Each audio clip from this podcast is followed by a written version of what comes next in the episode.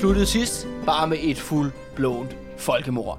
Mit navn er Kalle Kyman, og for mig der sidder Mads Dyrholm, og øh, virkelig rød af blod over i hjørnet, der står Saxo Grammaticus. Mm. Vi er tilbage, og øh, sidste gang øh, i vores historie, ja, der startede simpelthen korstoget. For real, for ægte, på trods af, at jeg er kald. Hele serien korstoget, så startede det faktisk sidste episode, og vi fortsætter præcis den samme dur. Og igen er det, ja, mørkt og blodet i sidste afsnit.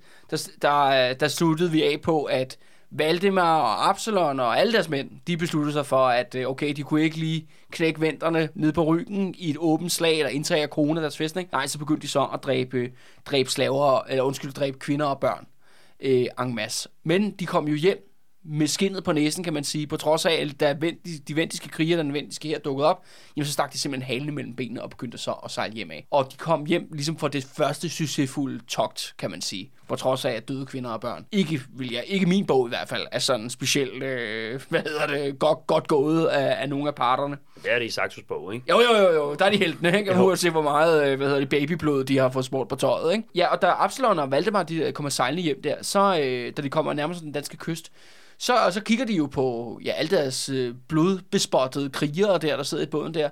Og så tænker de, holy fuck, vi glemte sgu da lige at tage nogle slaver med. Med tilbage. Og det, jo, det kan jo ske. Jo. Ja, ja, ja, og det skal jo så sige jo, altså det er jo det der med, når vinterne er på togt til Danmark, så tager man slaver, ikke? Og når danskerne tager på togt til vinterland, det er jo så første gang i et 10, de har gjort det, men så plejer man altså at tage slaver med tilbage, øh, så man kan ja, enten bruge selv, på sin marker eller det slinde, eller man sælger dem simpelthen videre for, for profit. Kigger korsfarerne på hinanden der og siger, Nå ja, gud, det glemte vi skulle lige blodrosen. Mm.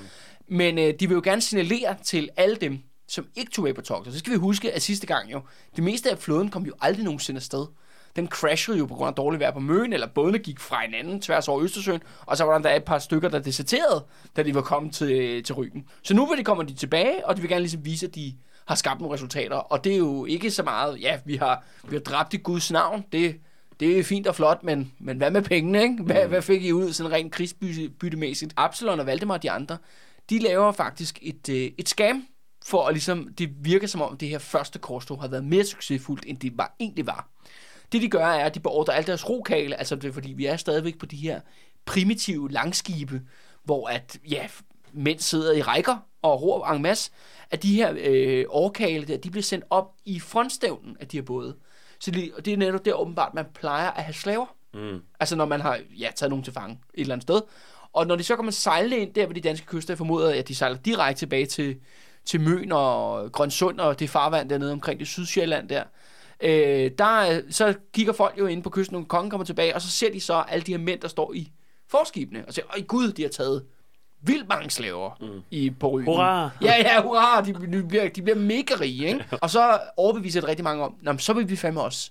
Ja. Så skal vi også på korstog. Okay, det er snedigt alligevel, ikke? Jo, jo, jo, de prøver at signalere, at de har haft, det har været ja. en stor succes, altså rent økonomisk, ja, ja. At, øh, at de tog afsted på korstog. Ikke? Men også bare, at de kender værdien af det her med at overbevise folk om, at de her togter, altså det, de er altså noget værd. Det er ja. ikke bare en eller anden sindssyg idé inde i Absalons hoved. Der er altså et eller andet formål med dem, ikke? Jo, jo, jo, jo, jo. jo ja, helt klart sådan en berigelse, ja. altså til det enkelte kriger, eller den enkelte adelsmand øh, på det individuelle skib, ikke? Men også fordi det har været så svært at overbevise folk om at tage med. Det er jo det. De har jo netop stået på hælene hele vejen, ikke? Og de blev, Valdemar og Absalon startede, det startede jo med, at de blev stemt ned mm. på at komme på togt overhovedet. Og så er der det der første togt, som jo på mange måder hvad hedder det, jeg har lyst til at sige, lider af børnesygdom, ikke? Altså, det, det, det, det fungerer ikke. Der er mange ting, der går galt. Men når du kommer hjem, så siger jeg, okay, det har været en kæmpe succes. Næste gang, hvis jeg alle sammen kommer med, så er der bare, så bliver der bare berigelse en masse, ikke? Det vidner også om, at Absalon, selvom han er fuldstændig opslugt af den her religiøse ild, ikke? Jo. så øh, ved han også godt, hvad der skal til for ligesom at appellere til menigmanden. Jo, jo, danskerne har jo altid været nogle krammer, ikke? jo, så det, hvis du får et godt tilbud, et godt slagtilbud, ikke? Jo. så hopper du med på den, ikke? Jo.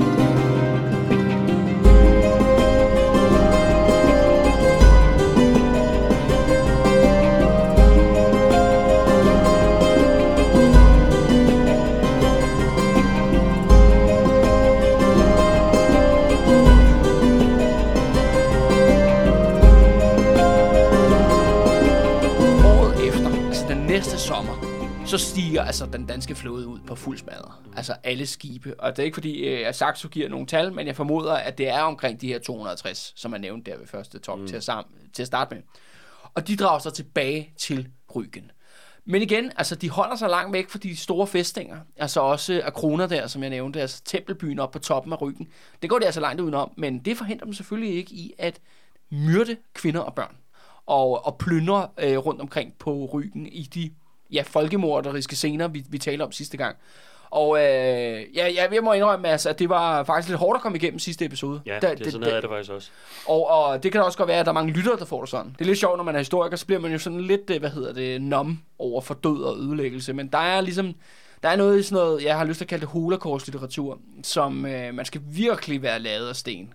Altså for ikke at kunne øh, blive på, altså påvirket af, af de scener, der beskrives. Og det er jo så i relation til den anden verdenskrig, men jeg synes, der er noget af de samme elementer på spil mm. her, på trods af, at den her gilde er, ja, det er sagt så, ikke? Det, det er jo meget, meget, meget gammelt. Kan jeg spørge dig om en ting? Ja. Øh, Hvordan bliver, altså når venterne er kommet til danskernes land, nu er vi nogle år tilbage, ikke? Men, Jo, jo, men jo. i den her periode, hvor de besætter forskellige byer rundt omkring kysterne osv., altså behandler, har, be, har venterne behandlet danskerne på samme måde, som danskerne nu behandler venterne? Eller hvordan ser det ud? Ja, altså jeg vil egentlig gerne have gemt det til, til næste episode. Ja, okay. men, men, men nu spørger du. Altså, venterne har jo også dræbt og nedslagtet folk, men øh, alt ligesom indikerer, at venternes først og fremmest formål er at slavegøre folk. ja okay. Det, altså det der med slaver er jo alle vegne i den her økonomi. Altså det er øh, Absalon og Valdemar til er slaver, og venterne er store tempelbyer, deres slavemarked er simpelthen drevet af den her produ- øh, ja, at få nye folk ind, sælge dem videre til øh, østromerne nede i ja, det der er Tyrkiet i dag, mm. eller helt videre ned til kalifaterne, altså muslimerne nede i decideret Mellemøsten. Ikke? Øh, men ja, men der har jo været tegn på, hvad hedder det, der er noget dokumenteret sådan massakre fra ventisk side, og overfald og deslignende og destruktion. Men der er et hårdere element her, vil jeg sige. Mm. Øh, også fordi, at vi kender jo, spoiler alert, vi kender jo slutresultatet her. Mm. Alle venternes angreb førte jo ikke til Danmarks undergang. Altså, vi sidder her jo sådan set stadigvæk, du og jeg, og alle dem, der lytter med. Der er ikke nogen venter på ryggen. Mm. Så simpelt kan det siges. Der er ikke nogen venter nogen af de steder, vi taler om i dagens episode, eller de fremtidige episoder. De er væk. Mm. Og det er også det med, venterne, jo, de har jo deres egen religion og sådan noget, men de er ikke på korstog. Nej, de er jo ikke missionerende. Nej, nej, nej, og de er ikke, de dræber ikke for deres Gud på den her måde, Nej. som, som det danskerne gør her, ikke? Så der er det mere, altså, det, der, der er det mere båret af, måske har der været nogle kampe, hvor, Ja. ja. okay, der er nogen, der kæmper imod, okay, vi bekriger dem, for at vi kan ligesom, vi kan berige os selv med Ja, slaver, ja, ja, skatte, og de har da også dræbt kvinder og børn og fanger og, Ja, ja, ja. ja. og det lignende. Øh, men du ved, så er det jo sådan et, det er sådan nogle enkeltstående tilfælde blodros, hvor folk går amok. Ja. Øh, Som, man nu, som der altid sker i krig. Mm. Der er jo altid nogen, der går over grænsen i de der situationer. Det går, der er altid ligesom noget, der går amok, ikke? Men her er det på en meget mere systematisk skala. Det er også derfor, jeg gerne vil bruge ordet folkemord. Mm. Og sådan nogle mere moderne begreber, som de saxoer, de der folk er jo ingen idé om. Og det er jo så også det her med, med saxo her, ikke? Øh, den her, og det er også det, der undrer mig jo. Saxo bruger ret meget energi på det her. Mm. Han bruger ret meget tid på det. Han bruger ret mange detaljer på det, og side efter side. Altså, du ved, han er jo nogle gange er jo bare sådan, ja, så var der slag slangeråb, ikke? Jeg gider hurtigt videre. Nej, og så var der en å, og så... Ja, ja, ja, ja, videre, videre, videre. Ikke? Nu skal vi ind til det fede, ikke? Absalon primært, ikke? Og nu, og nu øh, med det her, de her massakre, drab og overfald på øh, Ryggen og Ventersland i hele taget, utroligt detaljeret. Han tager sig tid til det. Men det har også element af, af, af blær. Mm. Og det er sådan, det her, det er, hvis I skal forestille jer, at nazisterne vandt krigen. Mm. Altså hvis øh, Nazi-Tyskland havde vundet af en verdenskrig, så de der folk, som havde været i Auschwitz, altså lejrvogterne, ikke? eller dem, der havde været i de der Einsatzgruppen, der skudt folk i Østeuropa og sådan noget, jamen de havde jo øh, fremstået som helte. Mm. Så er der gået historier rundt om, sådan, om så var der jo øh, på et tidspunkt, hvor vi skød øh, 5.000 på en enkelt dag. Ikke? Mm. Saxo, Danmarks historie, Danmarks første Danmarks historie, har en karakter af det her, mm. når vi når til de sidste sider omkring venterne. Fordi det er Saxo, der ikke, han holder ikke noget tilbage. Virker det som om. Mm. Altså han, og han, Og han har det og direkte det. fra førsteholdens kilde nummer Ja, et. ja, og, altså han, mand, står, og, står han, og, han, og han står ved det, fordi at han mener, og alle dem, der udførte det her folkemord, de mener, de er på en guddommelig mission. Mm. Ja. Og det er jo det der med, at hvis venterne ikke altså, bliver kristne, øh, så bliver de dræbt. Men jeg vil så sige, de starter altså ballet bare med, med ja, etniske udrensninger mm. og, og drab. Altså, der er ikke så meget der. Altså, de første, det er først det der med, at de begynder at gå over, og der er nogen, der ligesom panisk begynder at skifte religion, og smide deres kultur og deres sprog væk og så videre, så videre i, i for, desperat forsøg på at overleve. Det er altså ikke sådan, vi åbner ballet. Vi starter bare med straight up af danskere, de hopper øh, ja, for, på ryggen stranden, hopper ud af båden, far op i den første bedste landsby og bare begynder at myrde løs. Mm. Og ja, ofte folk, som ikke kan forsvare sig selv. Ikke? Altså, ja, som sagt, kvinder og børn og det lignende. Ikke? Øh, og, og det er altså her, det er altså her, vi er i vores historie, og vi kommer til, godt nok til at blive den her, ja, meget, øh, ja, meget mørke tog. Mm. Og, og speaking of tog, Mads, sådan en kommer der faktisk i virkeligheden, eller, eller i hvert fald i vores historie her. Spørgsmålet om den er så virkelig. Æ, men øh, danskerne, de farer løs på ryggen, de går udenom borgene, de er udenom fæstninger, der hvor der faktisk er mænd, der kan forsvare. Det går de udenom, de angriber kun bløde mål, Mass- massakre på massakre. For året før, vinterne er godt klar over, at nu begynder danskerne altså at komme den anden vej. Så øh, de er selvfølgelig noget mere klar, end de var, hvor danskerne faktisk tog dem på sengen jo her i vores sidste episode. Så de får faktisk samlet en stor her med over på fastlandet. Altså over ikke på Ryg, men der, hvor at, ja, den tyske by Stralsund ligger i dag. Mm. Der har de simpelthen samlet her, og så sætter de dem simpelthen over der, hvor at øh, strædet er øh, kortest, og de sætter dem over på, øh, over på, øh, på ryggen. Og nu er der simpelthen sat op til, at der kommer til at være et stort slag på ryggen mellem altså venterne og den her korsfar her, som er ledet af Valdemar og Absalon, og Esbon, altså Esbern Snare, altså Val, øh, Absalons øh, storbror, det, han er altså også med i, i den her korstogs her. Og, øh, og det er sådan her, de er på nogle, ja, omkring strandene op ved Akrona, altså helt op i den nordlige ende af Ryggen. Og det er sådan noget, danskerne er jo i gang med at øh, slippe deres slaver og det andet, de har stjålet ned til skibene igen, og det er her, at venterne ligesom angriber. Ikke? De vil gerne angribe dem ved deres flåde, så de kan prøve at måske befri nogle folk, eller generobre øh, skib, eller hvad de vil. Men der, det, der sker, er, at de der to hære, de begynder at nærme sig hinanden, derude ved den der strand der. Så lige pludselig, så bliver hele området ramt af sådan en mørk tåge. Altså Saxo beskriver den nærmest som sort. Okay. Altså sådan et element af magi her. Mm. Altså det, og det, han siger, at den er massiv, den er tæt. Folk kan simpelthen ikke øh, se en pind rundt omkring. Han siger, at den her tog, den er så mørk, at den skygger for solen. Normalt er det, når man står i en tog, så kan man altid kigge op. Ja, ja. Så kan man se solen eller himlen op over, mm. så, ikke? fordi det der, ligesom togen bliver brændt af selvfølgelig mm. af, af solen her. Øh, men ikke i det her tilfælde. Altså det lyder som en eller anden form for magisk dræbertog. Mm. Og det gør selvfølgelig, at øh, situationen bliver sådan ret øh, kaotisk på begge sider. Normalt vil det være sådan, at når man går i gang med sådan et slag, jo, så skal de jo stille op i rækker, og så skal der være en eller anden form for kommandostruktur, mm. før ligesom The Killing øh, kan, kan begynde. Men nu er det bare kaos, så øh, slaget begynder lige så langsomt at udvikle sig ved, at ja, danskere og venter render tilfældigt ind i hinanden.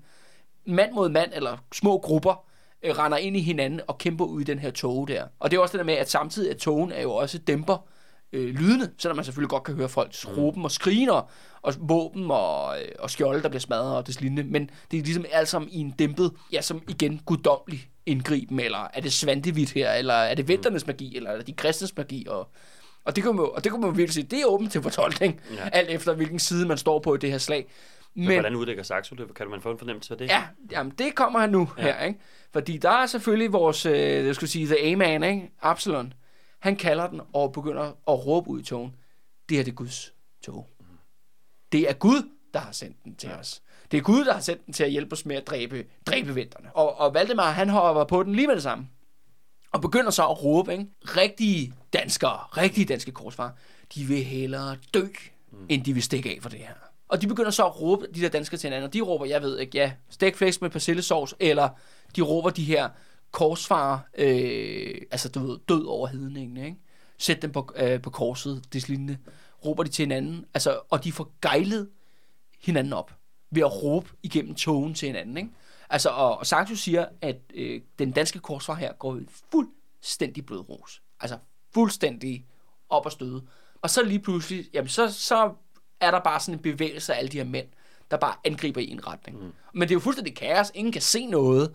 Øh, men de ramler altså ind. De rammer jo så venter. Hvis de bliver ved med at løbe længe nok, mm. skal de sgu nok finde en eller anden venter ind i den der tog. Mm. Og så har du altså bare et, et stort slag i togen med mænd, der skriger som sindssyge på Jesus og, øh, og, og, og, og, og det lignende, ikke? Mm. Og det udvikler sig til, ja, ja, altså det er jo meget sådan et, et slag, som er øh, individer mod individer. Altså Saxo har en historie, hvor der selvfølgelig er en dansk ridder, som øh, formår jo at skabe en lidønge rundt om sig selv af, af venter, indtil han selvfølgelig bliver dræbt. Men alt sammen foregår i det her, ja, vendiske, ja, den her nattetog nærmest, ikke? eller den her mørke, mørke tog.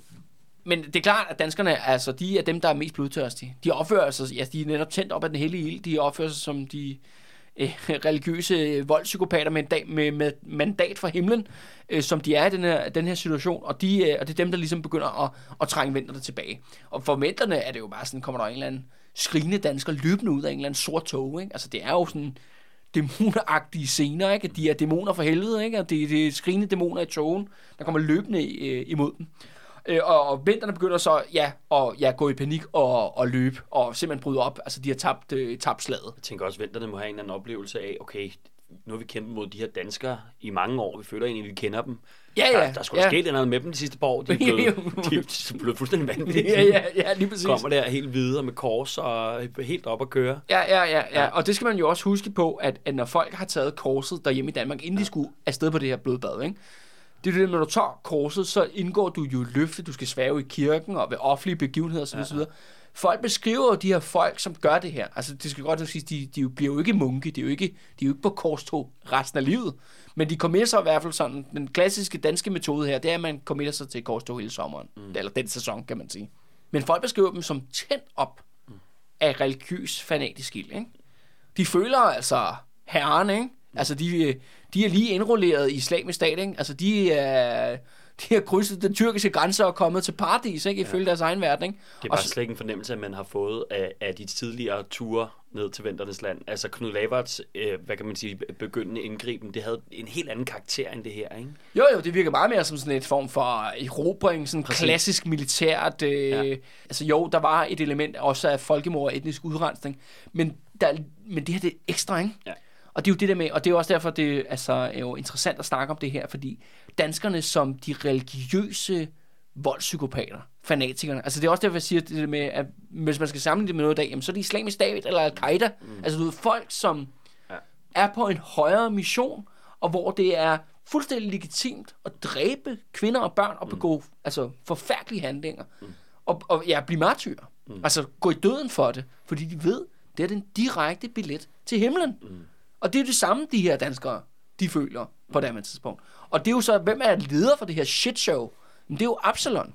Ikke? Ham der vores, me, ham den mest kendte idiot, skulle jeg til at sige, for hele vores middelalderhistorie. Det her med at gøre noget i en højere sags tjeneste på den her måde. Det, det er meget udansk på mange måder, ikke? Ja, og altså, det har jo også været udansk indtil nu. Altså, ja. det var også ikke en del af vikingetiden på den måde. Altså, der var jo nogle helt klare incitamenter for at skulle tage på togt. Altså, ja, ja. Det var ja, ja. jo ikke sådan, åh, nu skal vi med med ud. Det var nogle, og, der var altså, nogle sms-lån og andet, der skulle afdrages på. Ikke? altså, jo, jo, absolut. Absolut. Der skal vi nogle slaver hjem og nogle skatter. Man hørte ja. noget om nogle kloster, der lå sådan rimelig øh, nemt tilgængelige Bløde mål, ikke? Altså, ja, jo, jo, det var dumt, okay, og du kan komme hjem med noget. Ikke? Det her, altså den her, du siger det selv, i en højere sagstjeneste, det bliver en helt anden karakter. Nå, men altså, øh, danskerne, de har vundet slaget i togen der, ikke? og de, de fortsætter fremad i, angreb. Øh, men så beretter så Saxo her, at altså, i det her, nu er der ligesom, okay, danskerne har ligesom fornemt, okay, vi er ved at vinde, og så begynder togen selvfølgelig også at let på det her tidspunkt. Men der er det faktisk lige før, at øh, Valdemar bliver dræbt i et gigantisk hesteulykke. Mm. Det er jo bare den her hirten der, som er jo hans bodyguard. De er jo alle sammen til heste. Det er jo ridderne, ikke? Det er jo de tunge rulleri her, ikke? Øh, men på grund af togen og generelt kaos, så er der simpelthen en større gruppe af de her hirtmænd, der bare crasher ind i hinanden på deres heste. Mm. Altså, og det vil sige, at mænd og heste, de flyver altså i alle retninger, og der er bare brækkede ben og lemmer en masse. Og hvem ryger med i det kæmpe, gigantiske, skulle jeg sige, cykelstyrt der, ikke? Jamen, det gør Valdemar. Og han er lige ved at, øh, at krasse af igen, rejser sig så op efter styrtet, og er så okay. Og her er det bare mig, der ligesom har noteret mig, det er jo ikke første gang, at naturen prøver at dræbe Valdemar her. Nej. Det er bare meget sjovt, hvordan han bliver ved med at regne ind i øh, de her kaos. Og, og det er også det med, at Saxo beretter, jamen okay, så har vi haft det gigantiske hestecrash. Kongen ligger midt i det. Men springer af og selvfølgelig tjekke, om hans venner er okay. Jamen, det er selvfølgelig Absalon. Klart. Men det er bare sjovt, den her, men den, det er en genganger, den her. Og det kan godt være, at jeg ikke helt forstår øh, middelaldersymbolikken her, siden at øh, ja, det er ligesom... Det, hvorfor er, jeg skulle sige, jeg troede egentlig, at Valdemar var one of the good guys, men det virker som om øh, øh, naturen prøver at dræbe ham. Og det er også det der med at sige, når Absalon siger, at det er det Guds tog, eller mm. djævelens, eller, ja, ja, eller, eller hvis det har været et rigtigt naturfænomen, de har oplevet, så er han rimelig hurtigt til at kalde det der, det er Guds vilje. Ikke?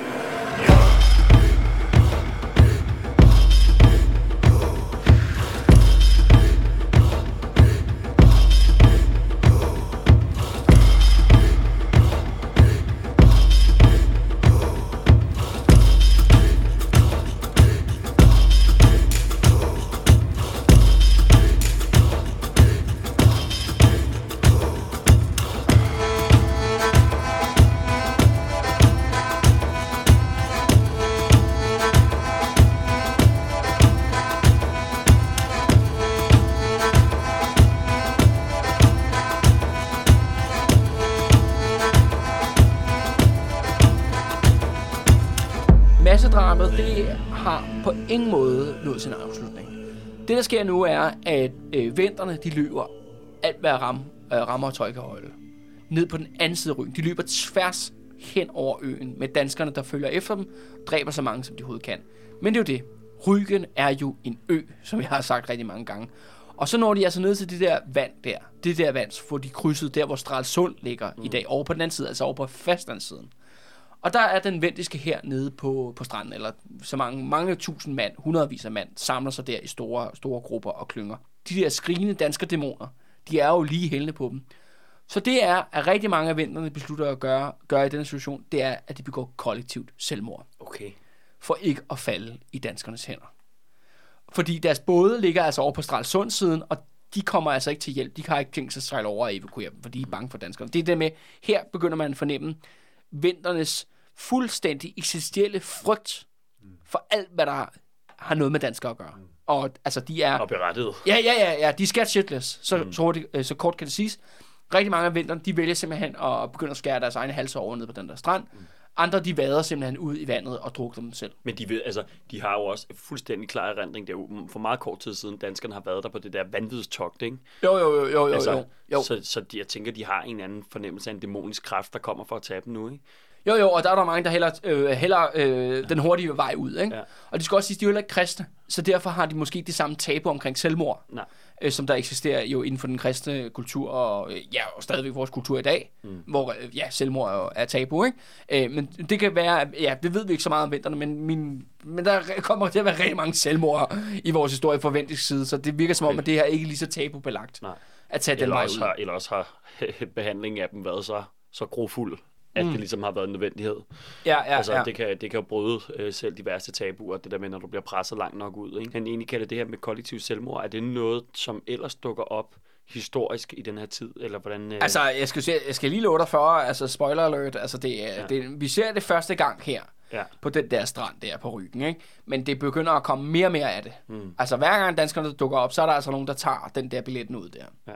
Så det der med kollektiv selvmord og, og korstårn, det hører ligesom sammen, har jeg Okay. lyst til at sige. Altså, i forhold til andre sådan middelalder episoder, altså ja. for eksempel under øh, Valdemar Atterdag sagaen der, jeg faldt sgu ikke over nogen kollektiv selvmord. Jeg faldt øh, ikke over selvmord i det hele taget, faktisk. Det, men der var det også kristne mod kristne, jo ikke? Jo, jo, jo, og der var jo meget mere det der med, jamen, så tog man jo en anden til fanger, og så skulle man have løsepenge og gisseludveksling og alt sådan noget, ikke? Mm. Der var, men der skal jo sige, der var også massakre dengang jo, altså i 1300-tallet, som, hvor Ja, ja, ja. ja. Valdemar Atterdag stod. Det var jo ikke fordi, at altså, det var ikke fordi, de var engle eller, eller noget, ikke? Men det her, det er altså bare, altså lige en tand mørkere, ikke? Altså det er, lige, det er lige en tand mere hardcore, det her, ikke?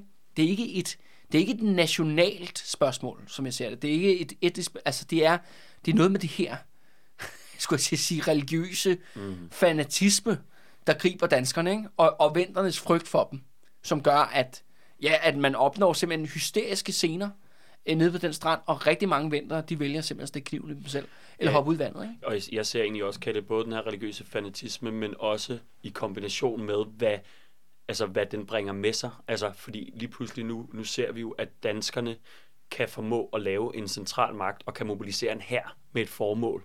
Ikke? Jo, og gå i krig. Nogle meget klare det, formål, ikke? Jo, og det har været, alle det, det har været sindssygt svært for Danmark i en lang periode indtil det her at samles under et flag og have et eller andet bestemt formål under en konge. Ikke? Vi har bare Jo. set en fuldstændig uendelig en lang række af borgerkrige ikke? indtil Jo. det her. Så, så den her religiøse fanatisme bringer også et eller andet med sig øh, i form af, at okay, vi kan samles under et flag lige pludselig. Ikke? Det er spændende, for det har man ikke rigtig set før på samme måde. Nej, nej, nej, nej, nej. Jeg skal lige love dig for, at det sammenhold, det land der, det bliver der fyldt med blod. øh, men, øh, Og vi har ikke set os tilbage siden. Ja, nej, nej, nej, nej. Og øh, det Saxo beskriver simpelthen, at det der hav, det der stræde mellem Rügen og fastlandet, der, som det, der er moderne Tyskland i dag, det bliver simpelthen sådan en menneskesuppe. Ja.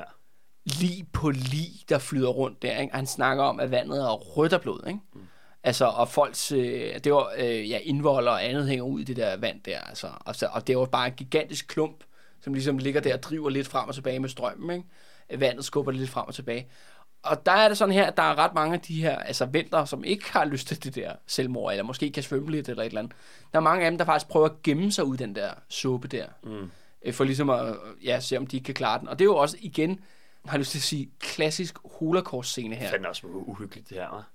Ja, ja, men altså, svømme rundt blandt lige derude for at gemme sig. Ja, jamen det har man jo mange historier også fra ja. Holocaust om, at, i de der massenedskydninger, tyskerne laver over på Østfronten, ikke? Mm. at der er nogen, der graver sig nederst i de der ligebunker mm. af folk der, og gemmer sig dernede, mens tyskerne skyder løs på de der folk i, i de der massegrave. Ikke? Nu er der jo ikke nogen, der har skydevåben i den her historie, vel? Mm. Men det er lidt det samme. Ja. Altså, der er nogen, der prøver at gemme sig i massegraven, men danskerne går jo selvfølgelig ud i det der vand der, mm. og prikker til folk og ser, hvem der er i live, ikke? Wow. Så for, for ligesom at sikre sig, at alle er døde, ikke? Mm. Og der beretter så uh, Saxo her, at, at der er faktisk en enkelt, uh, en enkelt venter, som de fleste faktisk kan se, fordi der er den her venter, som selvfølgelig er, er navnløs, uh, han, han finder simpelthen en sten at stå på under vandet, så han kommer ligesom op og stå, så han står ligesom midt i den der menneskesåbe øh, op på den der sten og det der plateau. Og selvfølgelig er det klart, når nu alle danskerne der nede på den der strand der, de kan jo se ham. Øh, de vil selvfølgelig dræbe ham. Men det er sådan her, at han står deroppe bevæbnet med et spyd eller et eller andet, eller en lang økse eller noget den dur. Når danskerne prøver at komme ud til ham, jamen så dræber han altså de danskere, eller slår dem i hvert fald væk, så de ikke kan nakke ham. Og der kommer dukker så Absalon og resten af eliten op, altså lederne her fra korstoget, de dukker op og ser på den der ene vent, den sidste overlevende venter, midt i det der døds, dødssuppen der, ikke? Og øh, der spørger Absalon så, hvad er der ikke nogen, der lige går ud og tager hans hoved til mig? Mm. Det kunne jeg godt tænke mig, ikke? Han, det, vi, kan, det, vi fandme ikke lade den sidste undslippe, ikke? Han skal fandme ikke have lov til at overleve. Så kigger han selvfølgelig rundt og siger, hvem er, hvem er modet, hvem tør gå ud og, og battle med det, ikke? Og så er der alligevel nogen, nogen, der ikke rigtig lige tør at melde sig. Men hvem, hvem bider til bolle? Jamen, det gør selvfølgelig Esben Snar. Mm. Han, storebroren der, altså Absalons bror. Han siger, jeg gør det, fordi at vi igen, Esben har jo optrådt tidligere i vores historie som arketypen ja. på den gode ridder, ikke? den gode kriger. Så selvfølgelig er det ham, der melder sig frivilligt her til Gud at få fat i den der vinters øh, skalp. Han begynder altså at vade ud igennem den suppe der, og skubbe line til side i vandet der, ikke? Og, og kommer så ud til ham her vinteren. Saxo siger så, at han får selvfølgelig gjort kål på ham. Rimelig nemt. Jeg ved, det står ikke, ikke hvordan, men han, han får altså ham dræbt. Og så, men så skal Esben så tilbage selvfølgelig på stranden med, med skalpen eller hovedet for, for vinteren der. Øh, men på vejen tilbage, så falder han sgu. Altså han enten glider eller ryger ned i et, ja, et hestehul, jeg lyst til at sige, altså et hul ned i vandet, og ryger simpelthen under og forsvinder ned i den der mm. suppe af lig, ikke? Og der er det jo så, at Absalom beordrer altså alle krigerne, så mange som muligt, ud for at få fat i hans bror Esben. Og de, øh, de kan sgu ikke lige finde ham. Altså, fordi det skulle jo sige, jo, han er jo i en tung ridderrustning, ikke?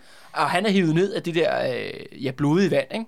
Men der er så nogen, der får fat i ham og hiver ham op på stranden, hvor han faktisk er, ja, det er ligesom på film, har jeg lyst til at sige. Altså det der med, hvor at folk er sådan halvdruknet, bliver hivet op på stranden, de begynder så, øh, Saxo siger, at der er nogen, der står og dunker ham i, øh, i brystkassen, ikke?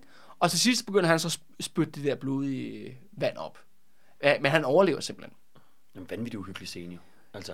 Ja, ja, ja, og det er også det der med, igen, altså, øh, hvis, man, hvis man tyde varsler, eller det lignende, man kunne også sige, okay, er, er, det, er det Gud eller er det djævlen, der prøver lige at, mm. at kværke ham ude i det, der, ude i det der vand der, ikke, inden han kommer tilbage. Men sådan slutter altså det her, øh, den her øh, massakre. Ikke?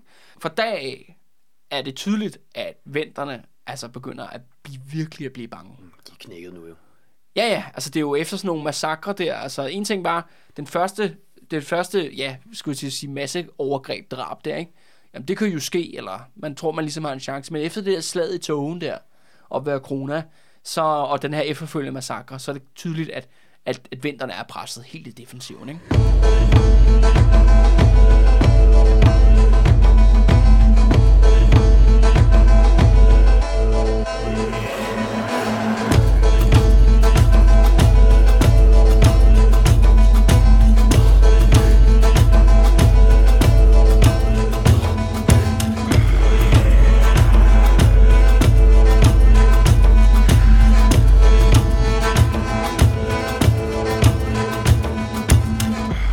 Til noget mere muntert.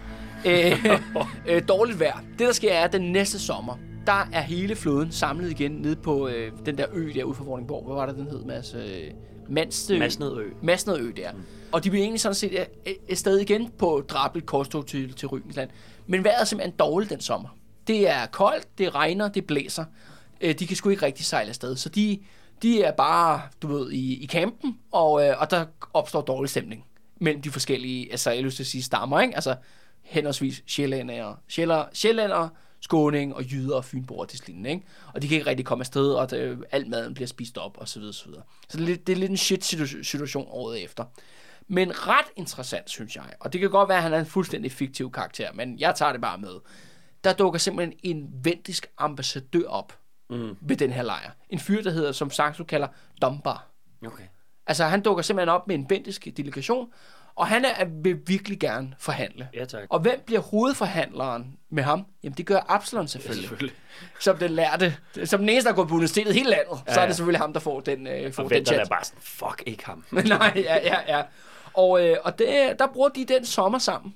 Altså Dumbar og, øh, og Absalon. Okay. Han får altså ja, frit lejde, og den holder. Mm. Eller sådan, og de øh, har øh, en række debatter eller de, sådan diskussioner mellem de to om, hvad det er rigtigt. Og, og Dunbar, han kommer, øh, kommer op med det formål. Altså han siger, ja, straight up, jamen I er jo i gang med at udrydde os. Dræbe os. Kan vi ikke finde en eller anden form for løsning, ligesom i gamle dage? Altså han tænker jo tilbage på, hvordan det var under i vikingetiden, og til lignende, hvor man, man i perioder jo også har været allieret og været gift med vendiske prinsesser og det lignende.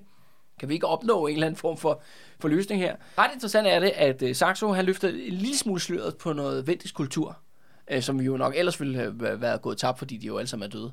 Det er åbenbart, at hver gang han ligesom skal ja, ligesom garantere Absalon, at han siger sandheden. Altså han, ligesom, han giver ligesom et løfte på, nu, nu ligesom cut the bullshit-agtigt, ikke? Mm. Så går, går de ofte, de går lange ture sammen, øh, der på Sydsjælland.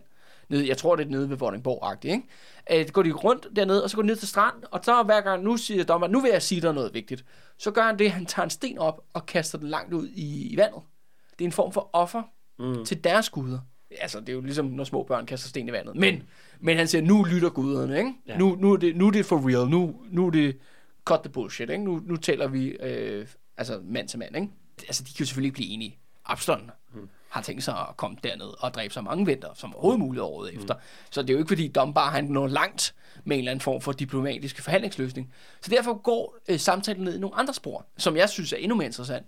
De begynder selvfølgelig at de snakke om historie. Fordi hvem er super optaget af historie? Jamen, det er jo Absalon. Men Dunbar, han kritiserer ham faktisk. Altså Absalon, han siger, du befinder dig for meget, du er for meget optaget af fortiden, og så fokuserer du for meget på fremtidsvisioner. Mm. Altså det der med, at Absalon ser ting i fortiden, og vil gøre det til fremtiden. Mm. Altså at du befinder dig ikke i nuet, okay. hvor der er muligheder for forhandlinger og kompromiser. Det der med, at han siger, jamen hvis du, hvis du lige dropper din sindssyge korstogsvision, ja. og så siger han, jamen, du har en mulighed, jeg kommer her med fred, og mm. vil gerne have en løsning, prøv ligesom at se de muligheder, vi kunne, vi kunne have sammen.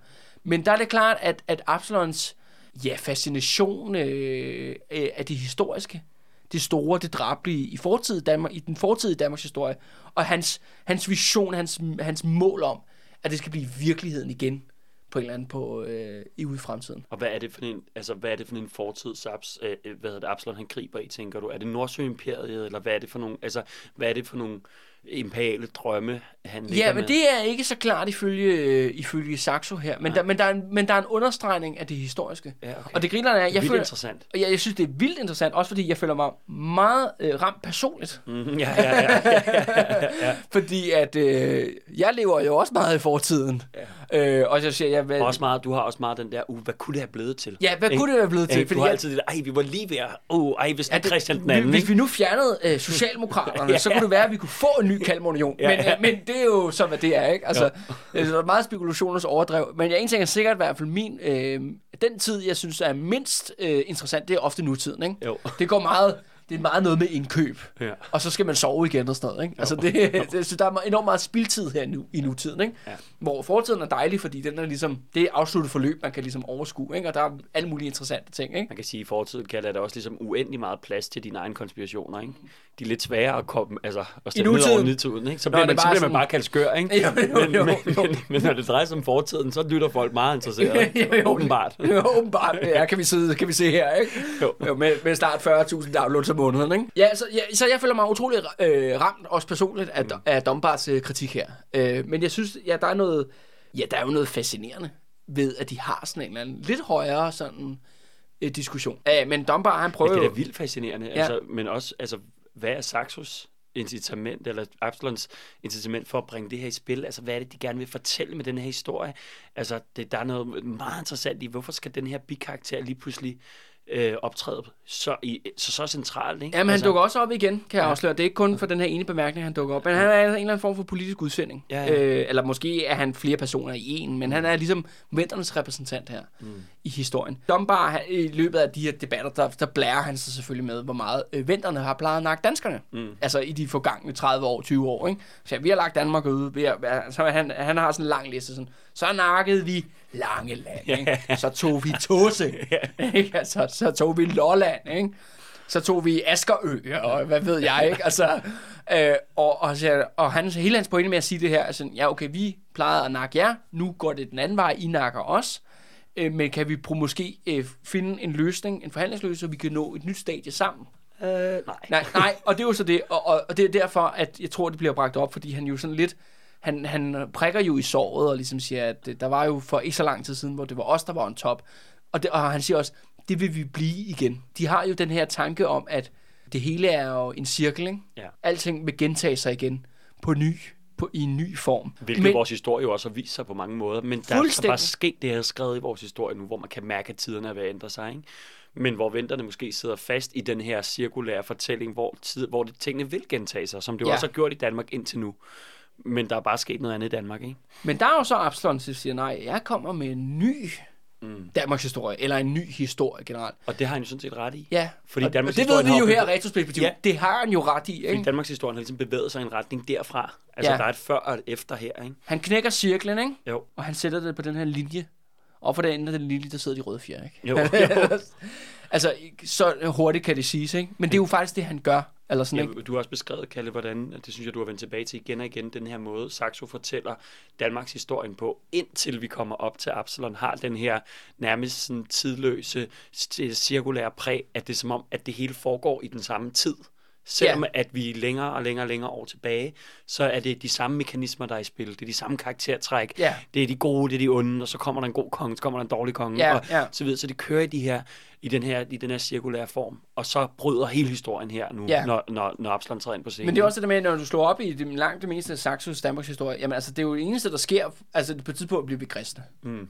Altså under har blåtand, ikke? Eller ellers er det bare, ja, som du så siger det samme sammen. Men det er jo så her, at Absalon bryder cirklen. Ja. Og det er det, jeg tror, der, det er jo det helt klart det, der er formålet med den her dombar debat. Ja. Fordi, at, og det er jo også det med venterne på mange måder, som vi også snakker om igen og igen og igen i sæson 1. De er os. Vi er det samme, mm. eller, sådan, eller vi var det samme, men det er vi ikke mere. Og øh, det har været en lang proces op til, kan man sige, Absalon. Der var mange ting, der ligesom skulle på plads, før han kunne komme. Men nu er det, lyst til at sige, den store rorgænger her, ikke? Ham, der bryder cirklen og sætter Danmarks historien på skinner, ikke? Mm. Og det er altså sket igennem korstog. Og man skal også tænke på, altså, når vi går lidt tilbage i, i Danmarks historien, hvor langsomt historien har bevæget sig, ikke? Altså, når vi taler jo. om dansk jernalder, ikke? hvor at vi har nogle helt klare fællestræk, hvordan samfundet har fungeret osv., ikke? men det er altså en periode på sådan noget 1500, eller 1500 år, ikke?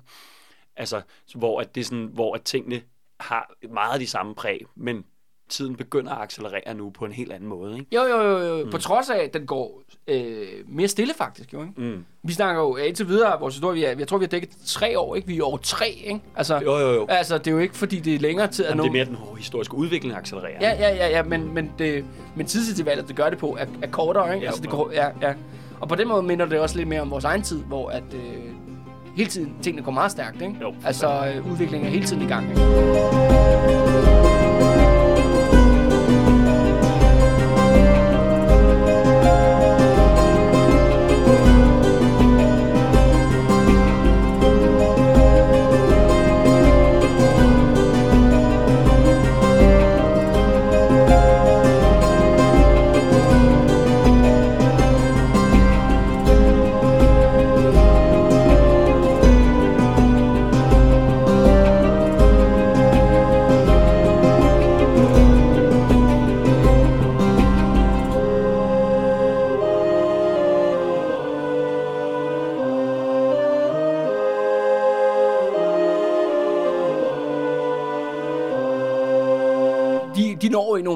de her forhandlinger. Dombar, han tager altså hjem igen, ikke? og siger, vi, vi ses på slagmarken, bro, ikke? må vi se, hvem den bedste mand, der, der vinder.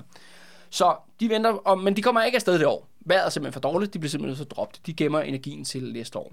Men det er sådan her, den næste sommer, der har de så rækket ud til tyskerne om, at, om de ikke vil med på korstoget. Altså tyskerne sender simpelthen en her over land, og danskerne de kommer sejlende.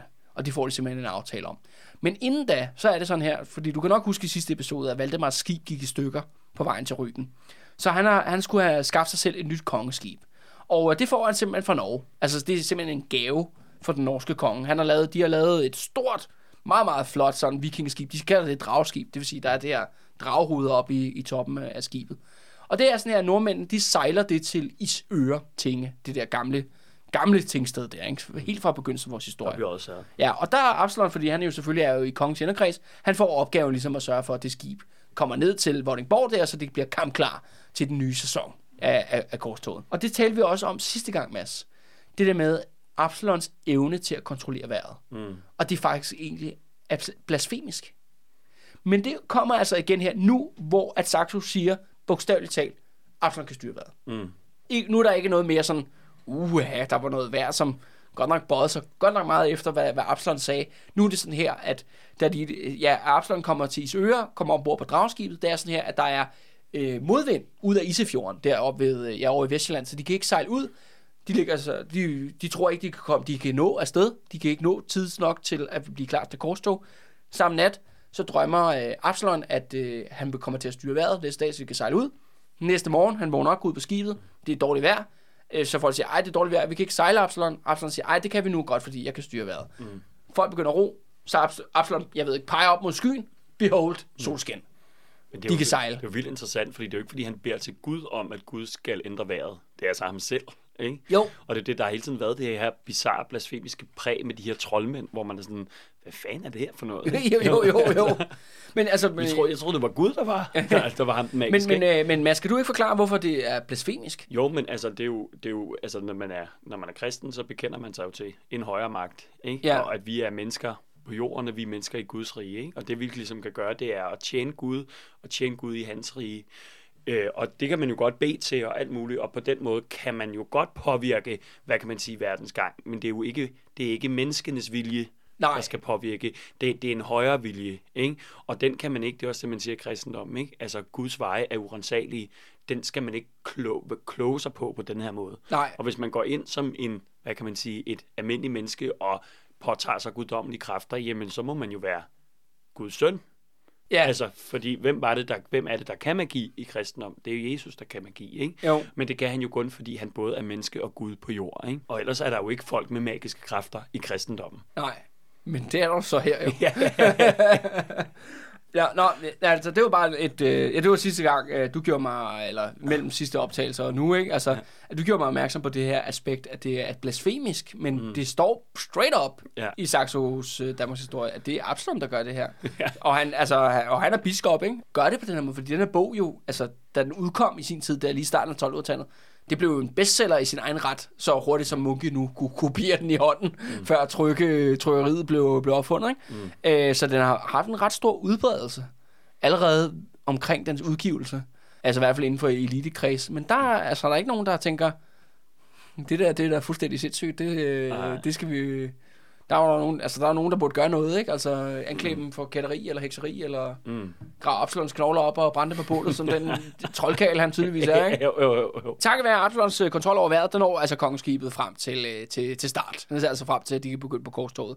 Og den her gang, altså nu er det jo det her fælles øh, korstog med tyskerne, og man tager til en, øh, en mindre ø, altså ikke Rügen, men en anden ø, der hedder øh, Pol, tror jeg nok den udtales, eller P-O-I-L, mm. øh, som ligger derude for kysten der. Pøl. Pøl, ja, Pøl. Pøl, det er meget godt. Ja, ja, ja. Der tager de ned, og øh, der har vi jo så det samme øh, blodbad jo. Etnisk udrensning, øh, brutale overgreb på øh, de lokale. Øh, og der er der sådan her ret hurtigt, altså venterne, de vælger sgu ikke at slås i åben mark. Det de gør er, at de bruger den gamle fordel, de har altid har haft, urskov. Altså, det skal sige, at dødszonen og alt det der, den er jo fældet fra lang tid siden, men nu er vi så langt østpå igen, urskoven er der stadigvæk mm. over det hele, og venterne prøver jo virkelig at for, ja, gemme sig derinde for at overleve, men de bruger den også på ligesom at, at lægge baghold. Og det er sådan her, at der de øh, korsfarerne der kommer i land der på, på Pøl der, og de prøver så at brænde landsbyer og dræbe så mange de kan, men de skal jo lede længe efter dem i den der urskov. Og nogle gange er der jo nogle isolerede ja, ridder eller afdelinger eller krigere så videre, som venterne så overfalder. Og så beretter så Saxo her, at øh, når venterne så får fat i nogle af de her korsridere, så er det altså med grofuld torturdød, mm. der venter dem. Og øh, han, altså det sjove er, at normalt holder Saxo jo aldrig igen i sin beskrivelse, men her omtaler han bare som grofuld tortur. Okay. Øh, men jeg forestiller mig lidt, altså sådan en klassisk, øh, det ved vi jo så fra vores breddegrader i forhold til vikingetiden, der er jo det, der hedder blodørn, hvis nogen har hørt mm. det. Nej. Øh, ja, men blod, det er jo sådan virkelig sådan en kreativ øh, dødsmetode i sådan en acer-tro, ikke? Det er, at man sådan knækker, øh, ja, som jeg husker det, alle ribbenene på ryggen. Mm. Man tager simpelthen en tang, og så, øh, så klipper man dem over, og til sidst så, så hiver man dem ud. Altså ligesom sprætter, ligesom, hvad hedder det, brystkassen op, så de stikker ud af kroppen, som om man har fået vinger. Ja, for sigt. Det kalder de så blodørnen, ikke? Mm. Altså det var, noget med, det var kun noget, man gjorde, når man virkelig ville sende en besked om, at man vil dræbe på folk på en brutal måde her, ikke? Men det er altså det, venterne gør, altså i hævn over de her korsfang. Jeg har også stadig nogle billeder af i hovedet, kan af nogle tarme, der bliver hævet langsomt ud af en krop. Og noget. Jo, jo, jo, jo. Altså ja. det er noget den der dur. Mm. Men at, at det kommer så, og ideen kommer så oprindeligt fra tyskerne, men danskerne er ret hurtige til at kopiere den.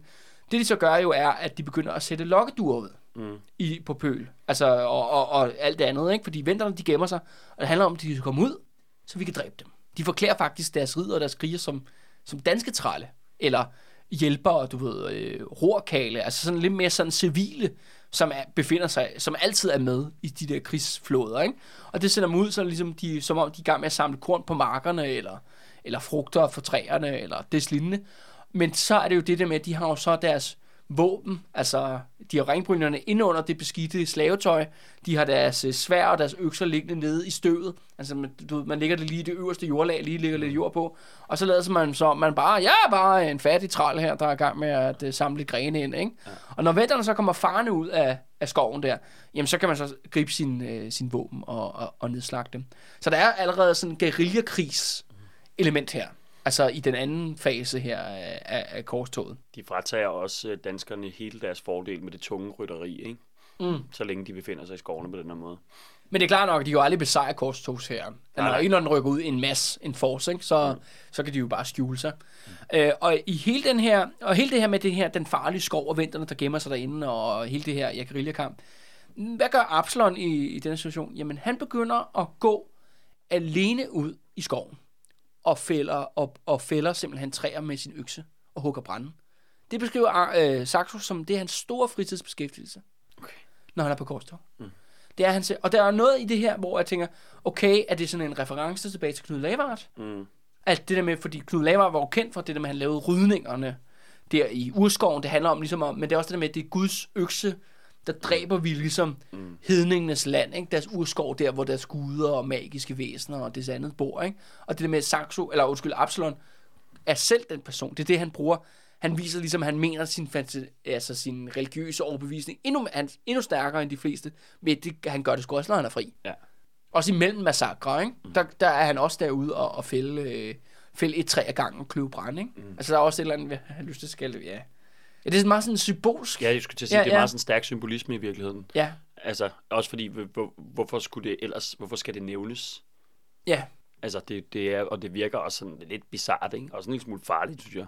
Gå ud i skoven alene og hugge træer. Ja, det er sådan. også det der, han risikerer sit liv, men han er jo ikke ja. bange, fordi Gud holder hånden jo ja. over ham. Det er også det, han prøver ja, det tænker jeg også, at det der, er, det der er en del af det. Altså, det her med, sådan, jeg er ikke bange, altså jeg skal nok, jeg kan sagtens gå rundt i jeres land og hugge det ned selv, hvis det er, ikke? Jo, jo, et, et krat ad gang, ikke? Ja. Altså, øh, og øh, det er også det med, at øh, siden da er Absalon jo portrætteret med en økse i mange tilfælde, jo, inklusive ja. rytterstatuen der på Højbroplads mm. øh, her i København. Altså, der har han jo en økse, og det er jo bare at forstå, at den der økse er primært for at fælde vendiske skovguder med. Ja. Altså, ikke? og altså, han er jo ikke... Altså på den måde, der er ikke så mange beskrivelser, han er direkte, direkte frontlinjekamp jeg tænker også, der er en anden symbolik i det, du siger selv, skovguderne. Altså, vi har jo tidligere beskrevet, hvordan at venterne er meget tættere på sådan en animistisk øh, religiø- ja, og religiøsitet. shamaner og sådan noget, ikke? Ja, ja, men ja, ja. hvor de ser, øh, deres religiøsitet er i naturen og træder ud af træerne, ikke? De, de, de laver de her træstatuer, hvor de ligesom hugger guderne ud af træerne. Øh, så der er også noget symbolik i, at Absalon går og hugger deres træer ned, simpelthen, ikke? Jo. Altså, han fælder simpelthen guderne ja. deres guder ned egen hånd. Det, det er simpelthen også Absalon, der melder sig frivilligt til at være budbringer mellem den danske og den tyske lejr mm. under det her korstog. Og han rider troligt igennem, kun med ganske få mænd igennem urskoven. For ligesom, altså selvom på trods af, hvis de ved jo, at hvis vinterne får fat i ham, altså hvis de bare stikker øjnene ud på ham, så er han bitte sluppet, ikke? Mm. Øh, men der viser han jo igen og igen, at øh, han er beskyttet af særlige kræfter. Men som sagt, så skriver, men det er jo også sådan, at øh, når de rider afsted, så råber de og synger de rigtig højt, for ligesom at lade som om de er flere. Og så rider de ofte i to afdelinger. Det vil sige, at der er to rytterhold, der rider igennem skoven samtidig. Så det vil sige, at hvis det ene hold ryger i baghold, så er det andet lige inden for hørevide, så de kan komme til undsætning. Så på den måde kan man ligesom få en anden ud af knepen. Så ja, ja Gud og, og, og, ved du, og lidt smart taktik ja, ja. go, goes a long way. Ikke?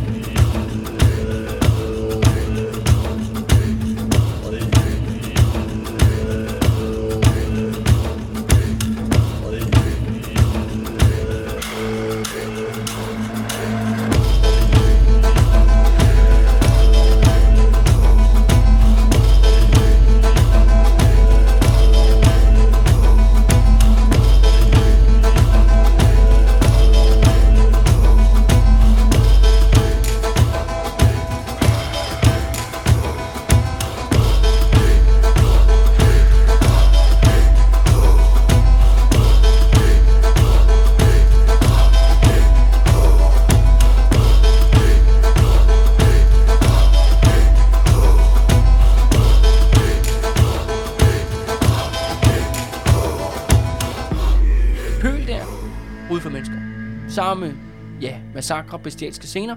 Og når der ligesom den, den her mindre ø er tom, jamen så går de videre til the main prize for det her korstog. Og det er Rostock. Og uh, der, ja, I kender jo nok Gers Rostock. Der er jo nok nogle af jer, der har sejlet med den, uh, den færge. Jeg, jeg har i hvert fald en del gange efterhånden. Og det er sådan her, at Rostock ligger jo inden for bunden af en fjord. Og ja, fjorden ender sjov nok op i Østersøen. Og det er her, hvor, at det er faktisk lige der, hvor færgelejet er i dag, så vidt jeg, jeg kan sådan tyde mig frem til i hvert fald. Så skal I bare forestille jer, at øh, i stedet for øh, meget, meget grim øh, østtysk provi- øh, industrihavn, jamen, så skal man forestille sig urskov på hver side, og så fjorden, der går ind, øh, ind i land her. Og men da kors, øh, korstogsflåden ankommer til den her mundingen på fjorden, der er den spærret. Der ligger simpelthen en vendisk flåde i forsvarsposition. Venterne har simpelthen sat hele butikken, og sagde, ved du hvad, hvis de kommer ind i den fjord, jamen så dræber de jo alle i hele det område. We make a stand her. Altså, vi beslutter at tage kampen op mod korstogsfarerne, når vi ligesom har den defensive position, og der er en flaskehals, hvor de ikke ligesom kan udnytte deres, øh, deres overtal. Korsfarerne, de er jo på hellig mission, så de skal jo igennem. Og hvem leder angrebet? Jamen, det gør selvfølgelig Absalon. Og, øh, og så han, han er, er simpelthen i første angrebsbølge, altså i en form for sådan, hvad hedder det, kommandoposition. Angriber med deres øh, langbåde, angriber de de vendiske lang, langbåde. Men da de kommer tættere ind der, der, og det er jo sådan en mærkelig ting på, jeg har jo ikke engang været ved det færgeleje for så lang tid siden, men, da de, men øh, dengang var, så det jo meget anderledes ud, og, øh, og for det første var dybden af fjorden også anderledes. Nu om stunder er der folk, der har gravet ud til de her store færger, de kan sejle der, og så, så, så videre. Men danskerne, de kender ikke det her farvand. Så rigtig mange af danske fartøjer, de begynder at gå på grund rundt omkring de her, den her vendiske, nærmest forsvarsmur mm. af skibe. Og det betyder så, at danskerne, de må simpelthen springe øh, ja, fra, fra deres skib, og simpelthen ja, øh, ja, stå der i vandet, og så prøve at få deres skibe løs. Altså simpelthen skubbe dem, skubbe dem af grund, og frem mod de vendiske skibe.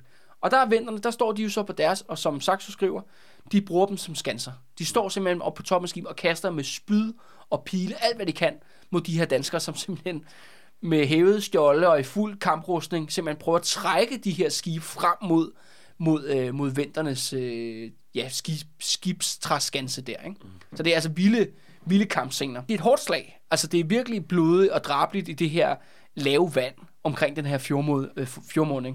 Det lykkedes faktisk, øh, ikke Absalons skib, men to andre danske skib faktisk, at få presset sig igennem den her, altså simpelthen kom ind i fjorden.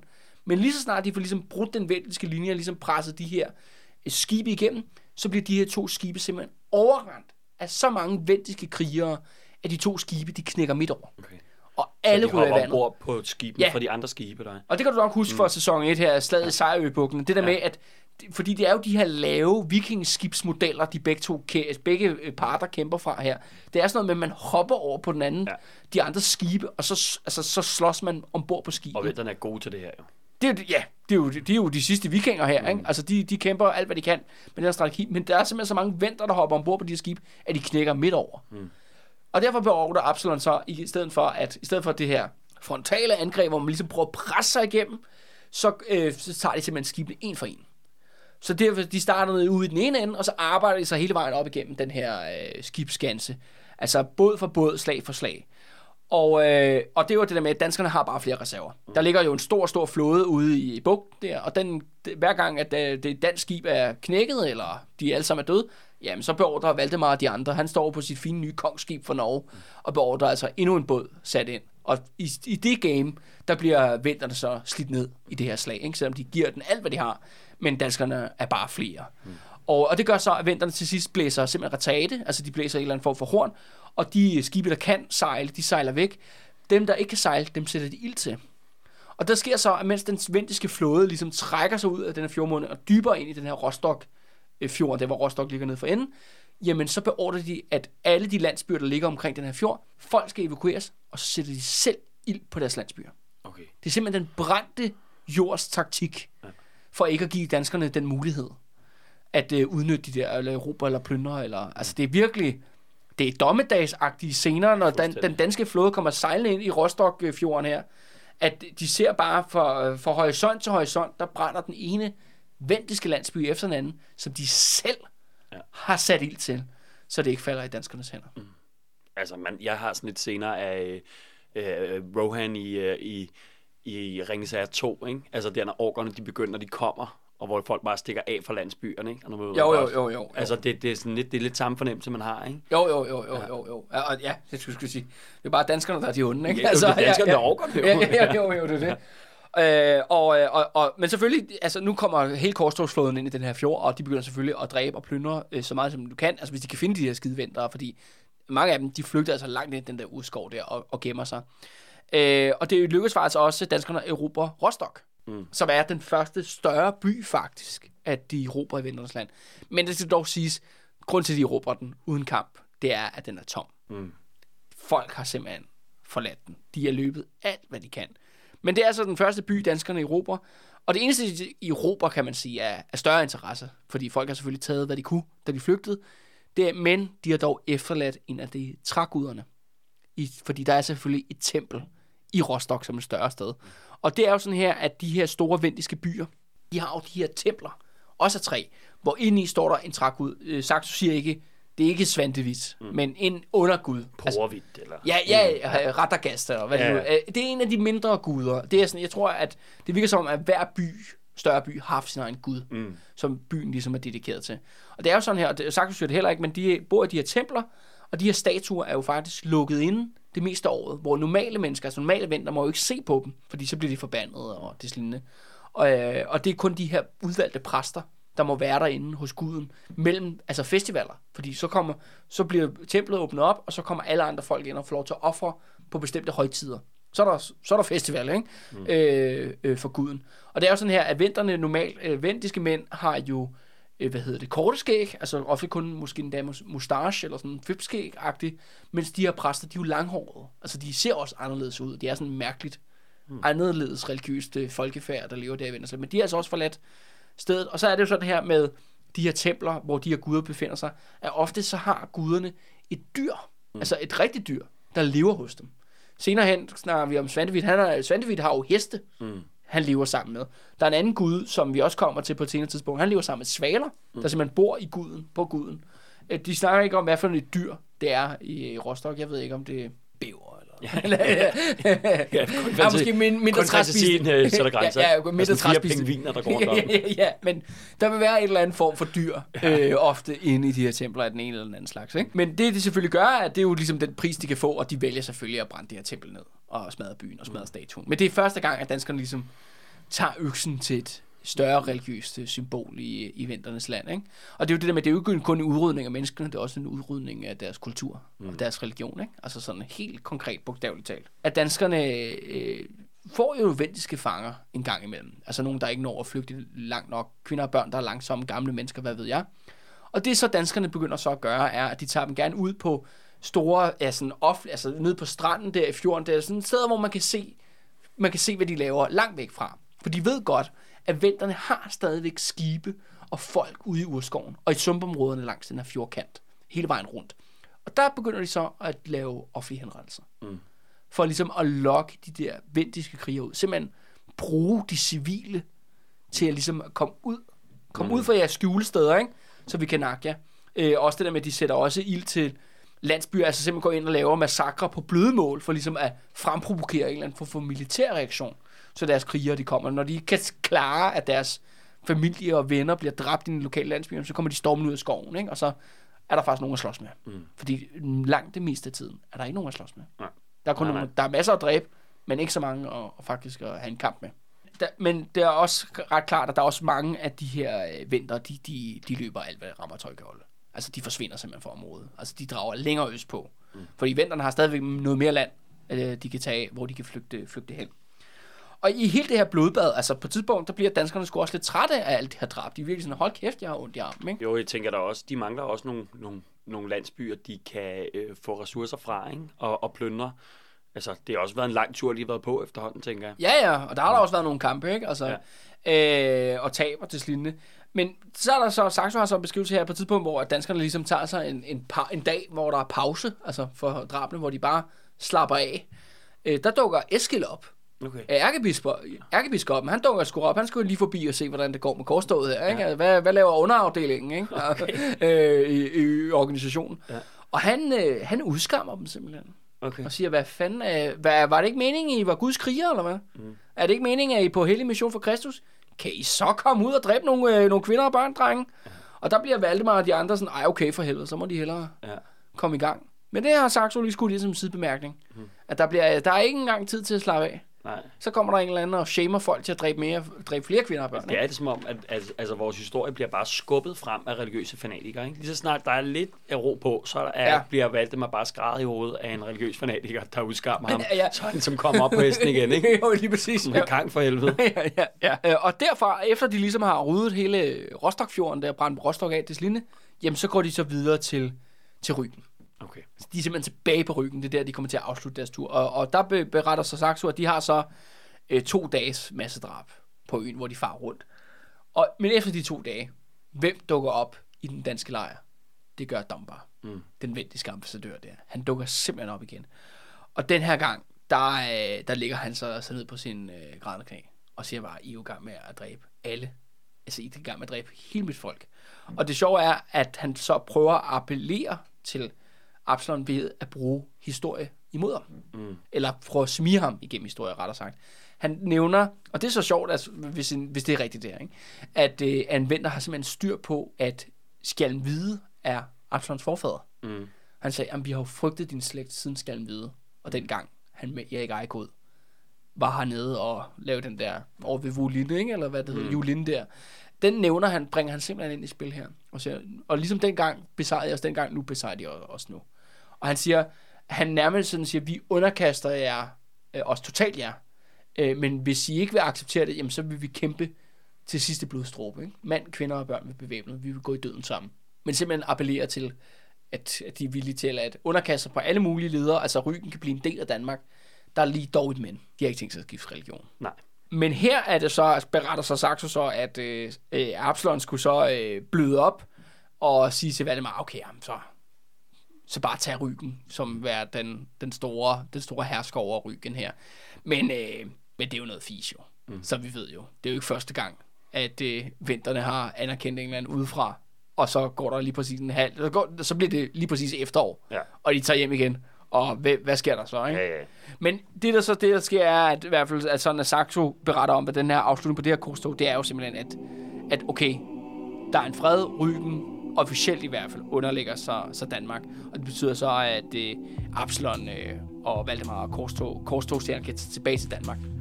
Men det er jo kun altså, en, en, stakket, øh, en stakket frist, fordi at i sidste ende, der har Absalon jo tænkt sig at udrydde vinterne til sidste mand, kvinde og barn. If you are the dealer, I'm out of the game. If you are the healer, means I'm broken and lame. If thine is the glory, then mine must be the shame. You want it darker. We kill the flame.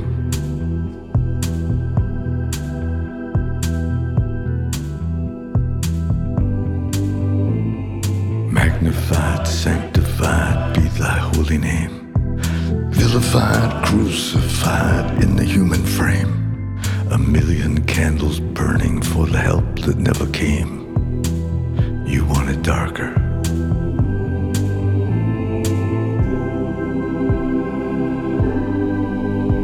Hey, nay,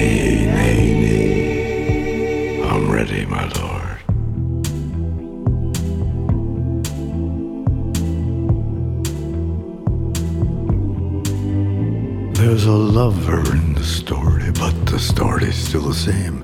There's a lullaby for suffering and a paradox to blame. But it's written in the scriptures and it's not some idle claim. You want it darker. We kill the flame.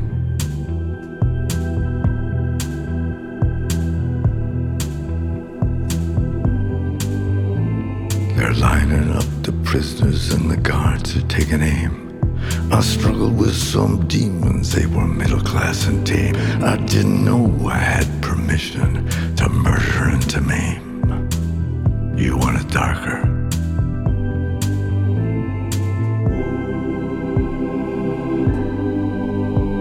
Hey, nay,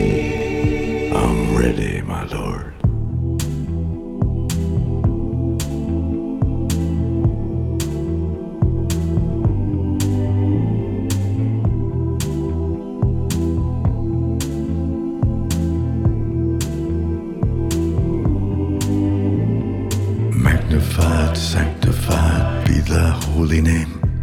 Vilified, crucified in the human frame. A million candles burning for the love that never came. You want it darker. We kill the flame.